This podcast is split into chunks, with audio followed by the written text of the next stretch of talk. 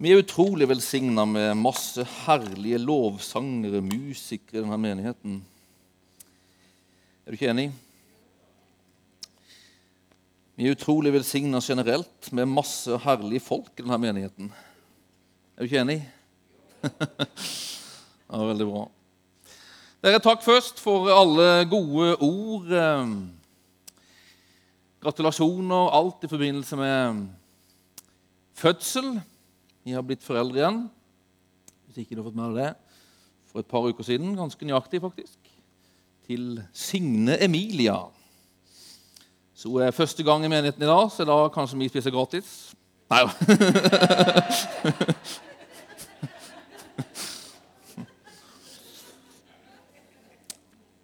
Hun spiser gratis. Ja. Vi holder på å tale om eh, Guds ord noen eh, søndager. Eh. Og det er egentlig så så, eh, så kom det litt, og det kommer til å på en måte munne ut i at vi får besøk her den 13. vel, sånn cirka, november. Ikke neste søndag, men søndag, søndagen etter der. Av eh, Gideonittene, eller heter det Norsk Gideon? Bjørn, du vet sånt? Norsk Gideon eller Gideonittene. De driver jo et veldig et herlig arbeid med Bibelen, med Guds ord. De, de sprer Nytestamenter og bibler til offentlige instanser rundt om i dette landet og utover, utover våre grenser òg. Så de kommer til å komme her den 13. november og uh, informere litt om det de arbeider med, og kommer til å ta opp en kollekt som går til, til det arbeidet. Så da tenkte jeg, da passer det veldig godt å sette litt fokus på Guds ord. For vi er en menighet som setter Guds ord høyt. Vi, eh, når vi har formulert liksom, det vi som menighet tror på, så, så sier vi eh, at vi tror at eh, hele Bibelen er Guds ord, og den er øverste autoritet for liv og lære. Det er Bibelens stilling hos oss. Det er Bibelen som på en måte har siste ordet. Vi har et høyt liksom, syn på Bibelen, setter den veldig høyt. Og Svein Egil han eh, starta dette temaet forrige søndag. og Da prata han om For Bibelen er jo på mange måter da, Når det er en autoritet, så er, det, så er det en slags lovbok. og Det gamle testamentet betegner ofte Bibelen som en lovbok. Men så sa Svein Egil noe veldig veldig bra. Men sa, det er ikke bare en lovbok, det er jo en livbok. Og det er veldig veldig sant. Og, og vel så mye, iallfall i Nytestamentet, når, når når Bibelen beskrives, når Skriften beskrives, så er det, en, så er det, det noe som, som, er til liv for oss. Og Jeg tenkte vi skulle prate om det i dag. Eh, Guds ord som eh, liv for oss. Og Hebrebrevet 4,12 så står det at eh, Guds ord er levende og virkekraftig og skarpere enn noe tvega sverd. Det trenger igjennom til det kløver sjel og ånd, marg og bein og dømmer hjertets tanker og planer. står Det Det er levende, det er virkekraftig. Paulus, når han beskriver, uh, skriver ordet, så sier han at det, Skriften er innblåst av Gud. Det er som at Gud på en måte har pusta det ut. Vi bruker å si at Gud har talt det. Og da bruker jeg å si at Når man taler, så, så puster man ut. Har du prøvd på denne gang å prate på innpust? Noen er jo gode til det. Å prate helst både på innpust og utpust. Men det mest naturlige er å prate på utpust, ikke vel? Så når Gud taler, så, så, så puster han altså sitt ord. Og hans pust er jo liksom livgivende. Når, når, Gud skaper mennesket, så, så, puster han sitt liv i mennesket. Så det blir en levende skapelse. Så ordet er levende. Jesus han sier så her at 'de ordene jeg har talt til dere, det er ånd og liv'. Og Han sier at mennesket det, det lever ikke av brød alene, men av hvert ord som utgår fra Guds munn.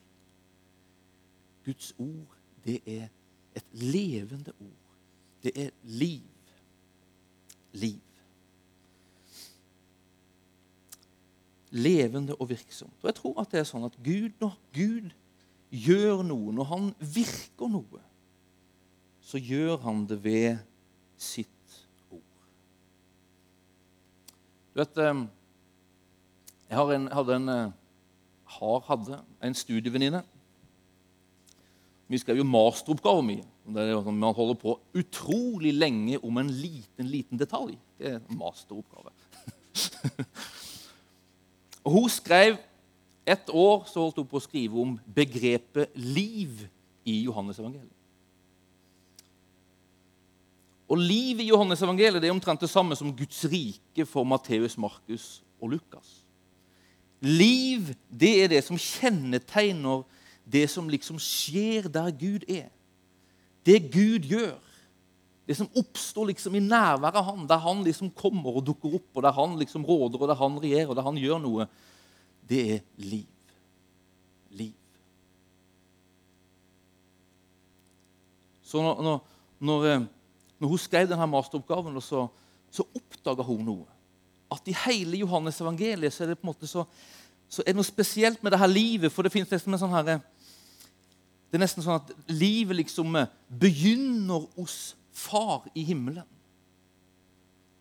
Og så sender han livet gjennom Jesus Kristus.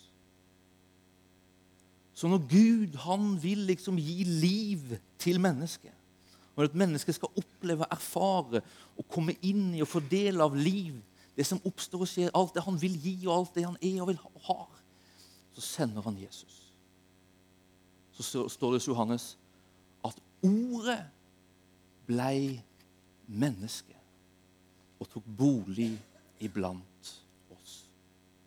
Når Gud vil liksom at livet skal komme mennesker til del, denne jorda til del, så gjør han det ved sitt ord. Åssen skaper Gud? Jo, han taler et ord. Bli lys, sier han og så ble det lys. Det står i Gamle Testamentet at når Gud gjør noe, så sier han det først til sine tjenere, profetene, som det hos Amos. Når Gud bestemte seg nå vil jeg gjøre noe, nå vil jeg at mitt liv skal gjøre noe her, så taler han. Så taler han. Så når Gud ville frelse verden så kom Ordet og ble menneske. Ordet ble menneske. Jesus han ble tatt opp til himmelen igjen. Og når Jesus kom opp til himmelen, så, så kommer og så gir han oss etter hvert sitt ord. Og du vet, Skriften har kommet, den er gitt oss for å ha liv. Du vet, Ordet ble menneske i Jesus Kristus. Du vet, ordet ble skrift gjennom Bibelen. Ordet, Guds ord, har blitt skrift. Som vi bruker å si, Bibelen det er ikke bare hvilken bok som helst. Det er liksom ikke en, det er ikke en bok som er gitt oss for at vi skal debattere den eller ha masse meninger om den. eller Den er gitt oss for at den skal være til liv for oss. Liv for oss. Ordet har blitt skrift er gitt oss den. Den vitner om Jesus Kristus, han som er ordet i person. Så at ordet er Skriften. Guds ord gitt til liv for oss. Så at ordet for oss er utrolig viktig. Ordet for oss er utrolig viktig. Ordet for Gud er utrolig viktig. For han har sendt det for at han ønsker å gjøre noe i våre liv.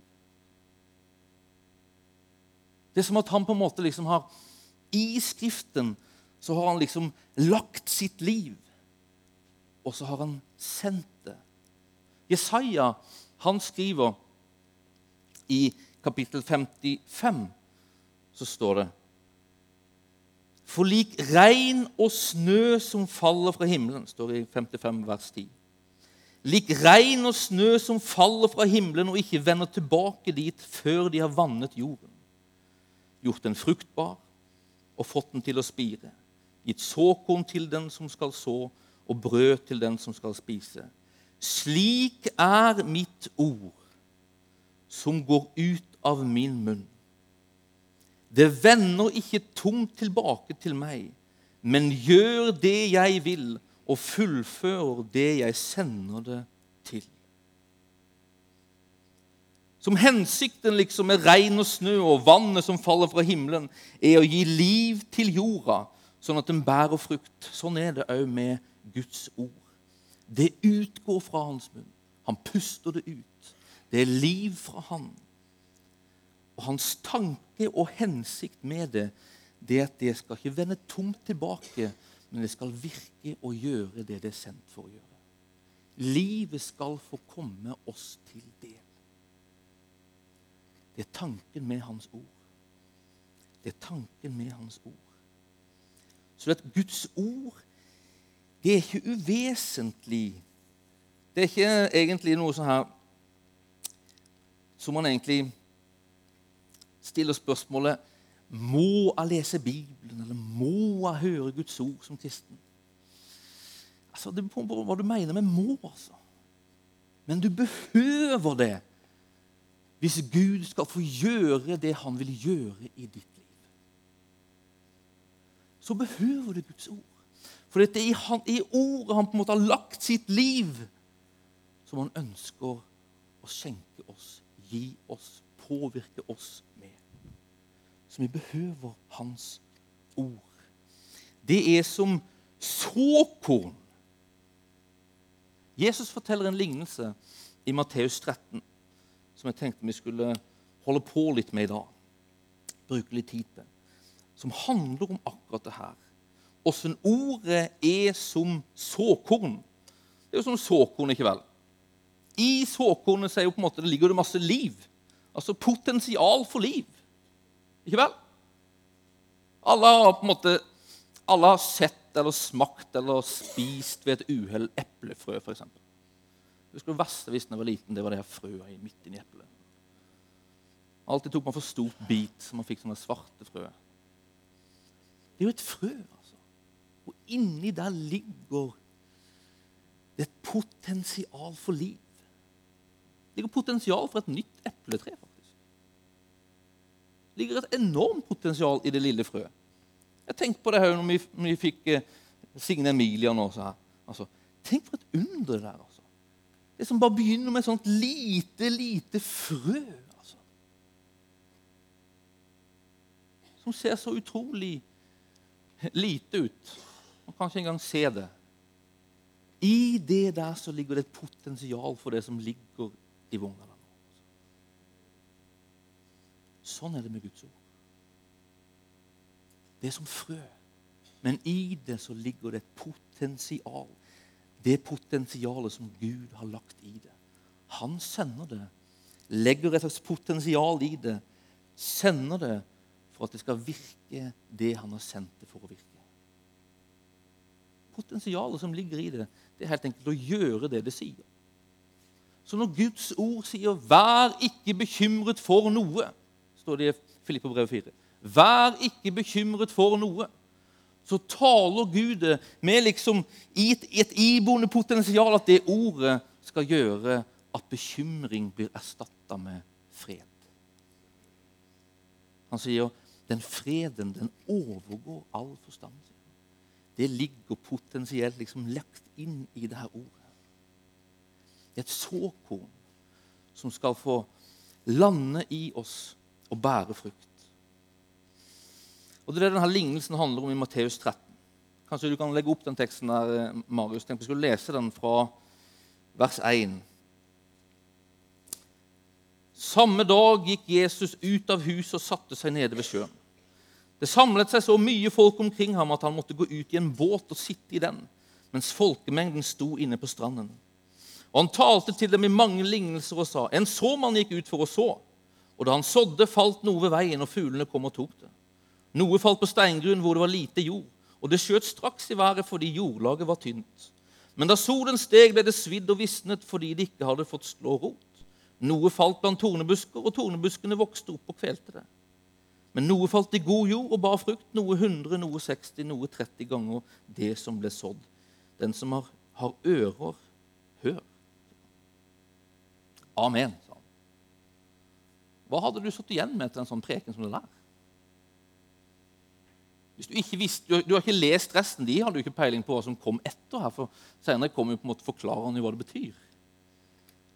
Tenk om du hadde hørt en sånn preken. Tenk om jeg hadde sagt en sånn preken og sa amen, takk for i dag. Hva er det, liksom? Det var jo sånn på 1800-tallet, tror jeg det var 1700-tallet kanskje, i Norge, når opplysningstida kom og på en måte man begynte liksom å disse Guds ord. Og så, så ble prestene de ble liksom helt sånn her, nesten avkledde ord. og da, da, da, står det om, om, om, gudstjenesten i norske kirker at det bestod av å, å, lære folk å dyrke poteter. Det er omtrent på det nivået der. Ikke vel? Hva sitter man igjen med her, liksom? Jeg tenker, hva, hva, hva, hørte de her mengden som kom her, når han på en måte eh, eh, taler om det her jordbruks... Det handler jo om å drive jordbruk, altså. Jeg tenker så her, Kanskje noen tenker seg hvorfor i all verden gir oss en, en leksjon i jordbruk? Altså, hva skal jeg med de her ordene til? Og så fatter man ikke det, og så reiser man, og så begynner man å kanskje jakte på neste predikant. Eller. Eller kanskje man sa det her vet jeg jo. Jeg vet jo hvordan man skal drive jordbruk. Det er en selvfølge.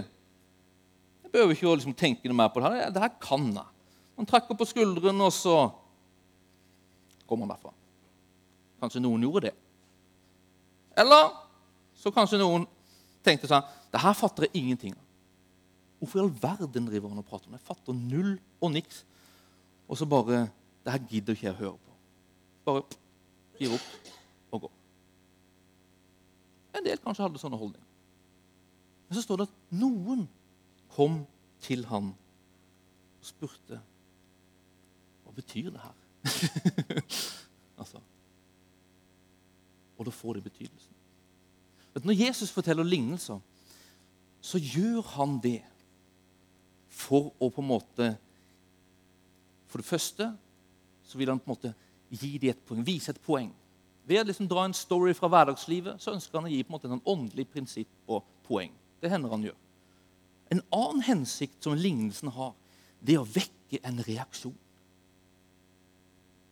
Han ønsker å vekke noe hos de som hører på. Og vet du hva? Det fins noe her som burde ha vekka folka. Og vet du hva det er? I Galilea på denne tida, de visste hvordan man drev jordbruk. Man drev jordbruk. Men det var en ganske dårlig jord og sånn i Galilea. Mye steingrunn og fjell. og alt sånt der. Så det var ofte ganske dårlig på en måte, utbytte av det man sådde. Man bruker å si så en sånn tifaldig liksom, høst. Det var en normal høst i Galilea. En sånn 30-faldig høst. Det var en kjempegod høst i Galilea.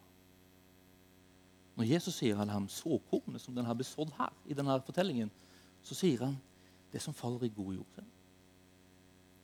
Den høsten som kommer av det, den er hundrefaldig, sekstifaldig, trettifaldig. Altså det er en sånn en kjempehøst som oppstår av det her såkornet. Det burde få de til å haie til. Åssen såkorn er det her? Åssen såkorn er det her? Det burde vekkes en nysgjerrighet. Hva betyr det her? Hva er det for noe, det her? En nysgjerrighet som på en måte hadde liksom dratt de til ham. Altså, han ønska å vekke en nysgjerrighet i de som ikke på en måte gjorde at de bare stakk derifra eller ga opp eller, men han ville vekke en nysgjerrighet som gjorde at de gravde litt videre i det her. Spurte om det. Hva er det her for såkorn? Hva er det denne mannen liksom forteller oss? Hva er det han kan gi oss? Hva er det han kan hjelpe oss med? Så står det at disiplene hans de kommer til ham, står det i vers 10, og spurte hvorfor taler du til de lignelser så står det. Han svarte, 'Dere er det gitt å kjenne himmelrikets hemmeligheter, men dem er det ikke. For den som har, skal få, og det er i overflod. Men den som ikke har, skal bli fratatt selv det han har. Derfor taler jeg til dem med lignelser, for de ser uten å se, de hører uten å høre eller forstå. På dem blir det her profetordet av Jesaja oppfylt. Dere skal høre og høre, men ikke forstå, se og se, men ikke skjelne. For dette folkets hjerte er blitt fett. Tungt hører de med ørene, og øynene har de lukket til, så de ikke kan se med øynene, ikke høre med ørene, ikke forstå med hjertet og ikke vende om, så jeg får helbrede dem. Men salige er deres øyne, for de ser, og deres ører, for de hører. Sannelig, jeg sier dere, mange profeter og rettferdige ønsker å få se det som dere ser, men fikk ikke se det, og høre det som dere hører, men fikk ikke høre det. Det er to ulike reaksjoner vi ser her. Den første er den som kommer til ham.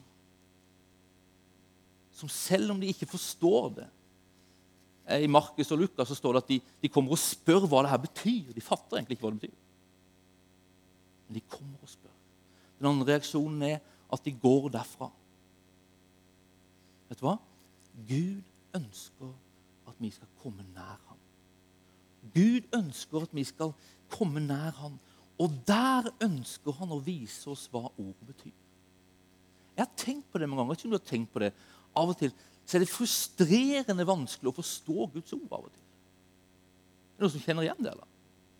Og jeg tenker sånn, du og du, du og mye enklere det hadde vært hvis han bare hadde gitt oss 50 punkter, kjempekonkrete punkter. Hvordan skal vi leve livet vårt? Hvordan skal vi lykkes? Hva vil han egentlig? 50 punkter. Så vi bare kunne ta punktene, lese de, sjekk, den gjør jeg. Sjekk, sjekk. Enkelt. Sånn har jeg tenkt. Det hadde vært veldig greit. Hadde det ikke det? Men i stedet er det mange ting som jeg ikke forstår og fatter. Altså. Så må man egentlig bare liksom, det der bare la være, og så bare gir opp. Men Gud, jeg tror Gud har gitt oss sitt ord som han har gitt det, fordi han ønsker å produsere en sånn herre spørsmål i oss. Nysgjerrighet i oss. Ikke en nysgjerrighet som bare liksom jager oss bort, men en nysgjerrighet som drar oss til Han. Han vil ha oss nær. Vet du hva? Han er ikke interessert i å drive og, og ha en, sånn derre en liste med punkter som på en måte utenfra liksom sier oss hva vi skal gjøre. Han ønsker å gi oss et ord som fører oss nær ham som gjør at vi på en måte spiser av Han og nærværet av Han og ordet fra Han, så Han inni oss får begynne å påvirke, forme oss, lede oss, tale til oss. Han vil ha fellesskap med oss. Han vil at ordet skal være en, en plass der vi får fellesskap med ham. Der vår relasjon til han liksom fordypes. Han er ikke en gud som ønsker å bare gi oss en kvitt quick fix og en rask, enkel, ytelig løsning. Han ønsker en relasjon der han får vise oss. Der han får vise oss hva ord betyr. Der han får åpne øynene våre. Der han, som han gjorde med disiplene her, får forklare hva ordet faktisk betyr. Han vil fortelle det. Han vil ikke at vi skal ha en relasjon til en, til en bok Nei, han har på en måte lagt seg sjøl i boka. Så vi må på en måte være i boka. Spør han som har gitt oss den, så at han får gjøre ordet levende. Vise det, lære oss det, fortelle oss det. I en relasjon som fordypes gjennom at vi bruker tid og er i Hans ord. Så du det? Forsto du det? Lite grann, iallfall. Så denne peker på det fins en hemmelighet her, sier han. Det fins to ulike måter å forholde seg til Guds ord på. Det er å komme og være der og spørre og grave Han som har gitt ordet. Han som har undervist ordet. Eller det å gå derifra. Den som kommer til det. Disiplene her. De får innsikt om hva det betyr. Og så står det at de får kjenne Guds rikes hemmeligheter. står det. De får kjenne Guds rikes hemmeligheter. Det ordet på gresk det er en sånn erfaringskunnskap. De får erfare Guds rikes hemmeligheter. Livet som ligger i det. De andre, står det, de er som de er døve. De ser ikke, de hører ikke, de forstår ikke. og vender ikke om, så at jeg får helbrede de. De får ikke erfare det livet som ligger i ordet. Mine venner, vår holdning til Hans ord det skal være en holdning at vi kommer til det. Tenker på det. Bruker tid med det. Sånn at han får påvirke med det liv som ligger i det. Så at han får gjøre det gode som han vil gjøre i ditt liv og mitt liv. Så at han får bygge det gode han vil bygge i ditt og mitt liv. Så han får lede gjennom sitt ord som han ønsker. Så forteller han lignelsen og så forteller han at det her handler om at man kan ha ulike måter å forholde seg til Guds ord på. Fire ulike liksom, plasser det her såkornet ramler ned på. Og resultatet blir på en måte ulikt. De gir liksom svaret på offer. Åssen skal vi på en måte forholde seg til den undervisningen? Åssen skal vi forholde oss til Guds ord? Åssen skal ordet få bære frukt i vårt liv? Og er det noe vi kan gjøre for å på en måte berede hjertene våre, berede livet våre, sånn at hans liv får komme oss til del gjennom ordet? Så hør nå, sier han i vers 18, hvordan lignelsen om såmannen skal tydes. Hver gang noen hører ordet om riket og ikke skjønner det, kommer den onde og røver det som er sådd i hjertet. Dette er det som ble sådd ved veien. Et ord kan falle ved veien. Sånn er det for oss òg. Det som jeg taler nå, det som ordet som jeg taler, det kan falle ved veien.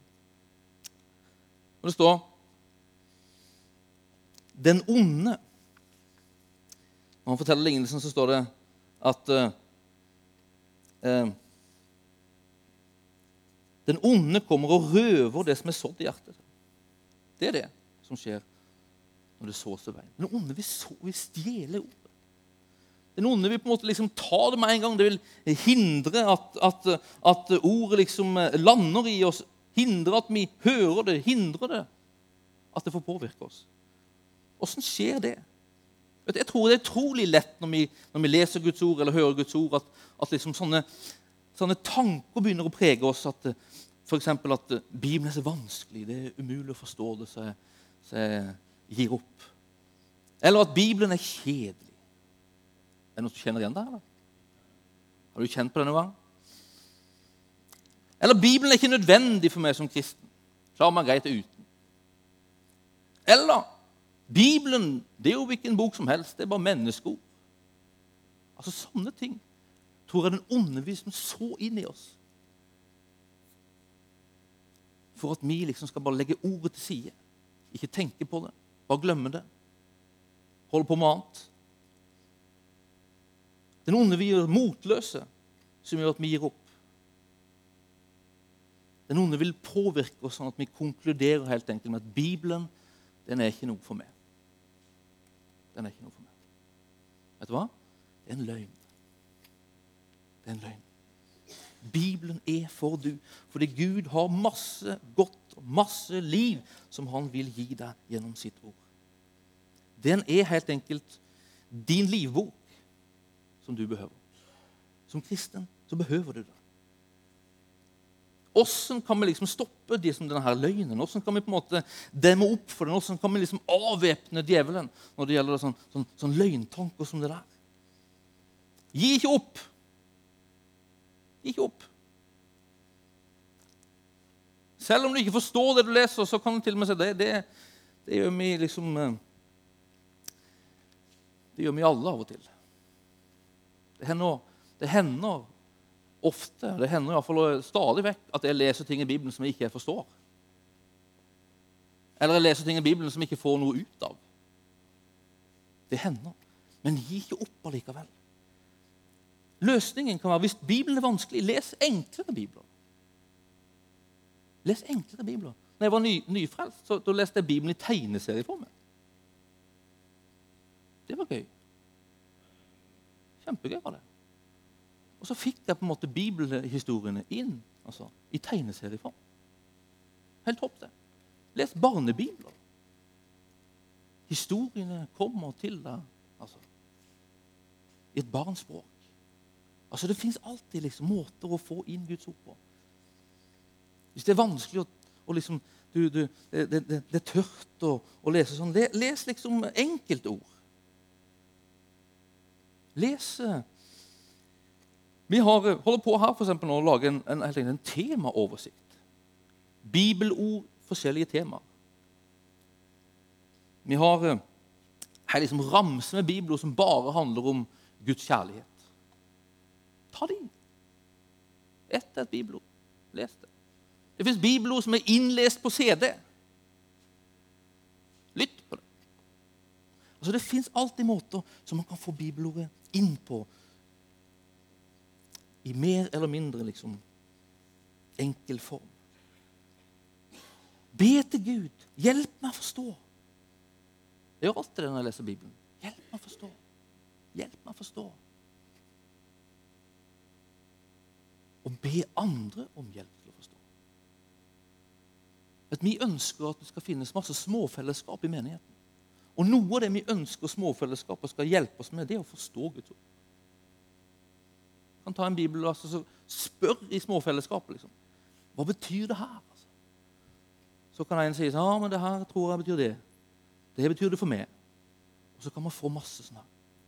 Vi leser Bibelen sånn sammen med ungdommene.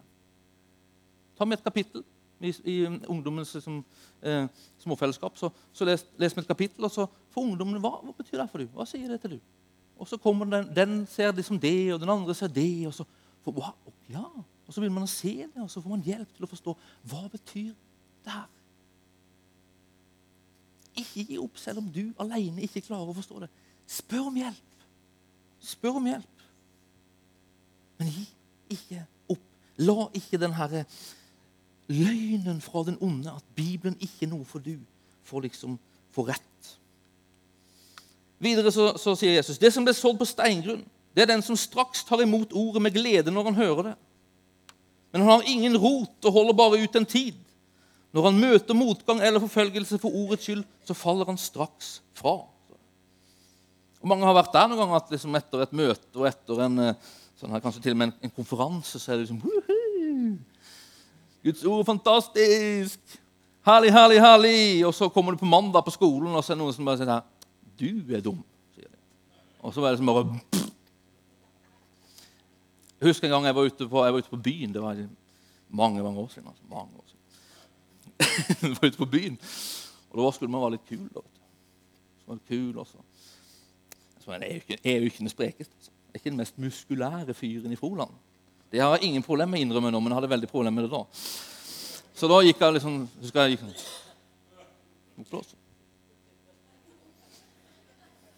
Og så husker jeg jeg skulle gå inn på et utested, og så kom dørvakten og sa sånn Du, sa han, og så tok han fingeren rett i mellomgulvet. Og så, følte meg ikke så kul. sånn kan det være òg, altså. Når vi kommer der ute. Man har vært på et herlig møte, og så kommer man, og så, og så kan folks liksom, ord være som piler som bare stikker hold på det her godfeelingen når det gjelder Guds ord. Altså. Eller omstendighetene du liksom møter på og går i. Det kan være som piler som bare stikker hold på troen din og tilliten til Guds ord. Det kan være prøvelser. Det kan være motgang. Det kan være forfølgelse som oppstår, som faktisk helt enkelt stjeler ordet. Faller han straks fra? Altså Man kan falle liksom fra troen på ordet. Vær ikke bekymret, sier Guds ord. Vær ikke bekymret. At du kan gå hjem fra et møte og hørt 'vær ikke bekymret'. Du kan ha et vitnesbyrd om det. og du kan ha, oh, fantastisk, fantastisk. Men så banker det på hele tida en omstendighet som sier noe annet. Tanker som sier noe annet. Som til slutt gjør at motgangen, prøvelsen, omstendighetene på en måte får overtaket og tar ordet. Du faller ifra denne tilliten til Guds ord, og så får omstendighetene rett.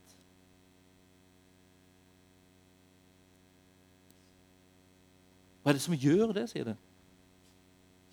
Røttene, står det.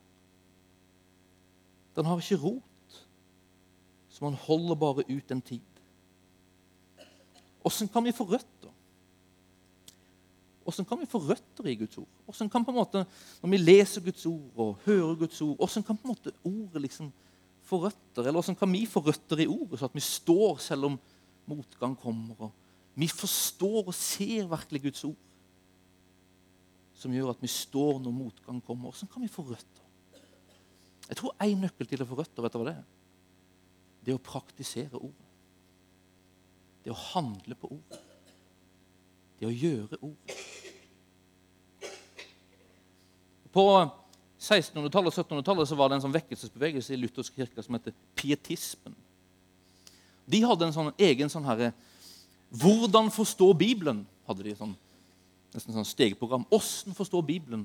Og det, Et av de viktigste liksom, delene i det å forstå Bibelen, få tak på Bibelen, det var å praktisere ordet. De sa du kan ikke forstå Guds ord uten at du først har handla på det og praktisert det. Gjennom å praktisere ordet så blir ordet på en måte noe vi, vi mer og mer kan forstå. Vi får erfare det. Vi får slå røtter i det. Så at ordet, når du leser ordet, forsøk å praktisere ordet. Vær ikke bekymret for noe, står det, men la alle bekymringene eh, Åssen er det?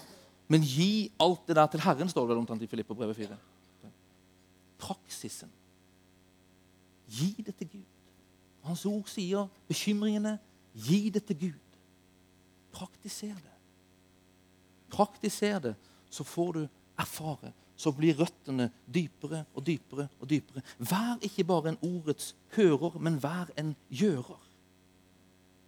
Vær en gjører. Jakob sier det. Hvis du bare er en ordets hører, så er det som at du står foran speilet. Og så ser du det, og så går du derifra, og så glemmer du hva du har sett. Vet du hva, har du, Bruker dere se dere i speilet når dere eh, går hjemme fra morgenen? eller? Da gjør man det på en måte for en hensikt. Jeg vil vite at det ser bra ut. ikke vel? Men hvis du bare går derfra, så glemmer du hva du har sett. Da glemmer du at du ser ok ut. Ikke vel? Så går du der, da, bekymra åssen du ser ut. Altså. Men det å være en ordets gjører, sier det, det er som at du står der, og så husker du det. Da blir det på en måte en resultat faktisk, av å stå i speilet. Ikke vel? Hensikten med å stå i speilet må være at du husker at du ser ok ut når du går ut. Du slipper å bekymre deg for det. Ikke vel? Det er jo det. Sånn er det òg med Guds ord. Guds ord skal gjøre noe med deg. Men hvis du ikke gjør det ordet sier, så er det som at det får ikke gjort noe med deg. Det får ikke grunnfeste deg, rotfeste deg. Det blir ikke noe erfaring av det. Det blir ikke noe resultat av det. Så vær en ordets gjører. Vær en ordets gjører. Vær en ordets gjører. Og så be om at hans nærvær og hans herlighet og hans godhet skal bli synlig for deg. Så tilliten til Guds ord og tilliten til han som taler ordet, skal øke, bli sterkere. Tilliten til ordet. Det er tilliten til han og tilliten til hans ord som gjør at du kan stå når motgang kommer. Til Osborn han sa det. Tro, det er å ha en større tillit til Guds ord enn til dine omstendigheter. Tillit, Åssen oppstår tillit? Tillit oppstår gjennom at man ser og erfarer at den man har tillit til, er tilliten verdig. Be om å få øyne som ser Han. Be om å forstå mer av Han. Be om at Han skal bli synlig for deg. Det skjer i relasjon med Han.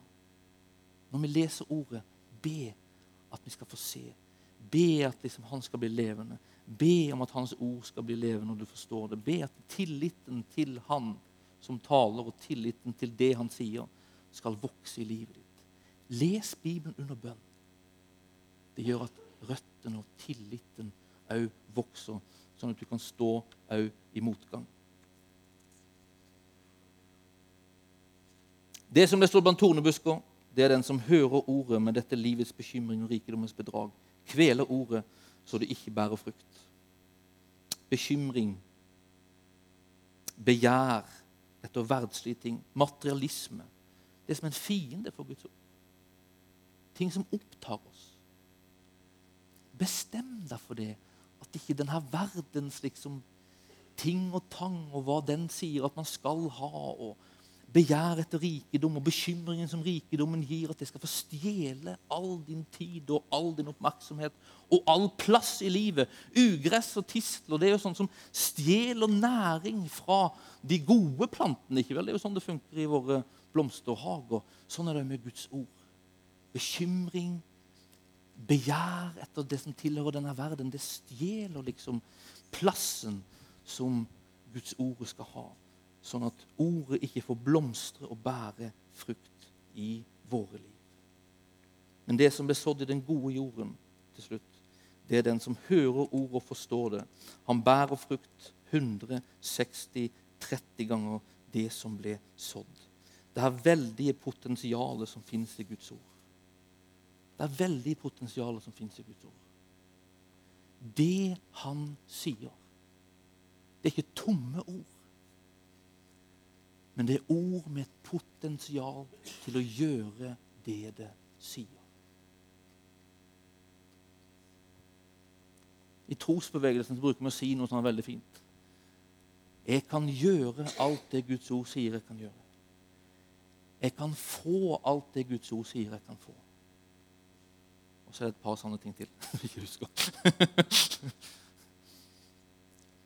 Men det er ikke tomme ord. Et ord med et potensial som skal få lande i våre hjerter. Som skal få vokse der, ha plass der. Og spire og gro og bære frukt. Et ordet 'vær ikke bekymret'. Guds hensikt med det er at bekymring skal erstattes med fred. Ord om helbredelse, hans hensikt er at sykdom og død skal erstattes med helbredelse. Han har sendt ordet. Han taler ordet for at det skal produsere i våre liv. Den som hører ordet og forstår det. Lukas, når han taler om denne lignelsen, sier han det er de som hører ordet og tar vare på det i et fint og godt hjerte så de er utholdende og bærer frukt. At ordet skal få være i oss, sånn at tilliten til ordet på en måte vokser.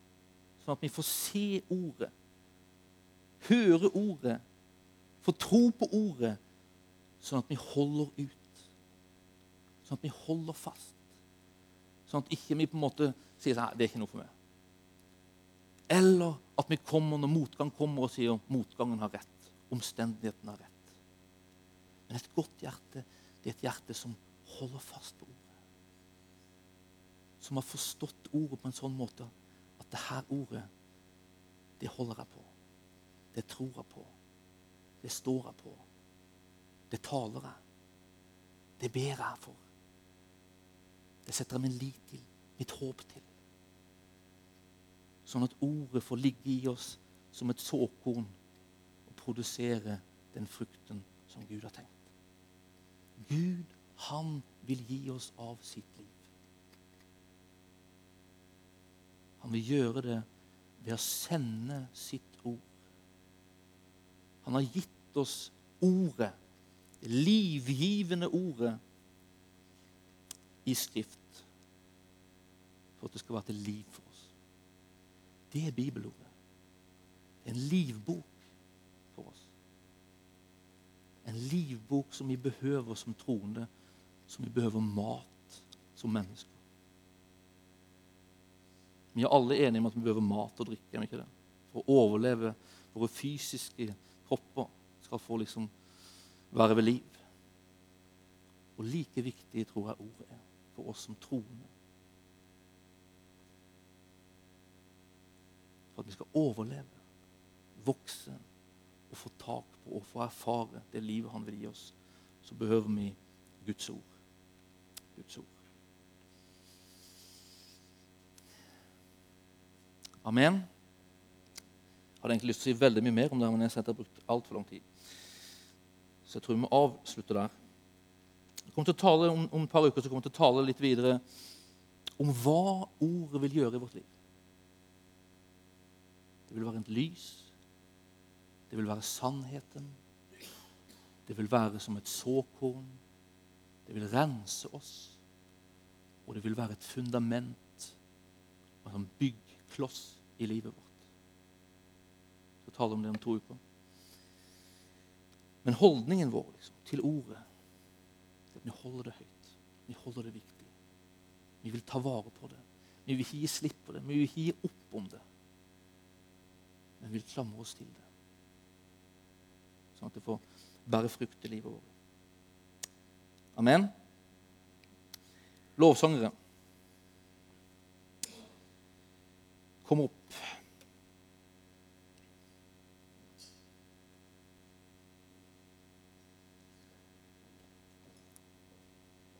Vi skal gå inn i ettermøtet, og når jeg, når jeg forbereder så, så, tror jeg at um,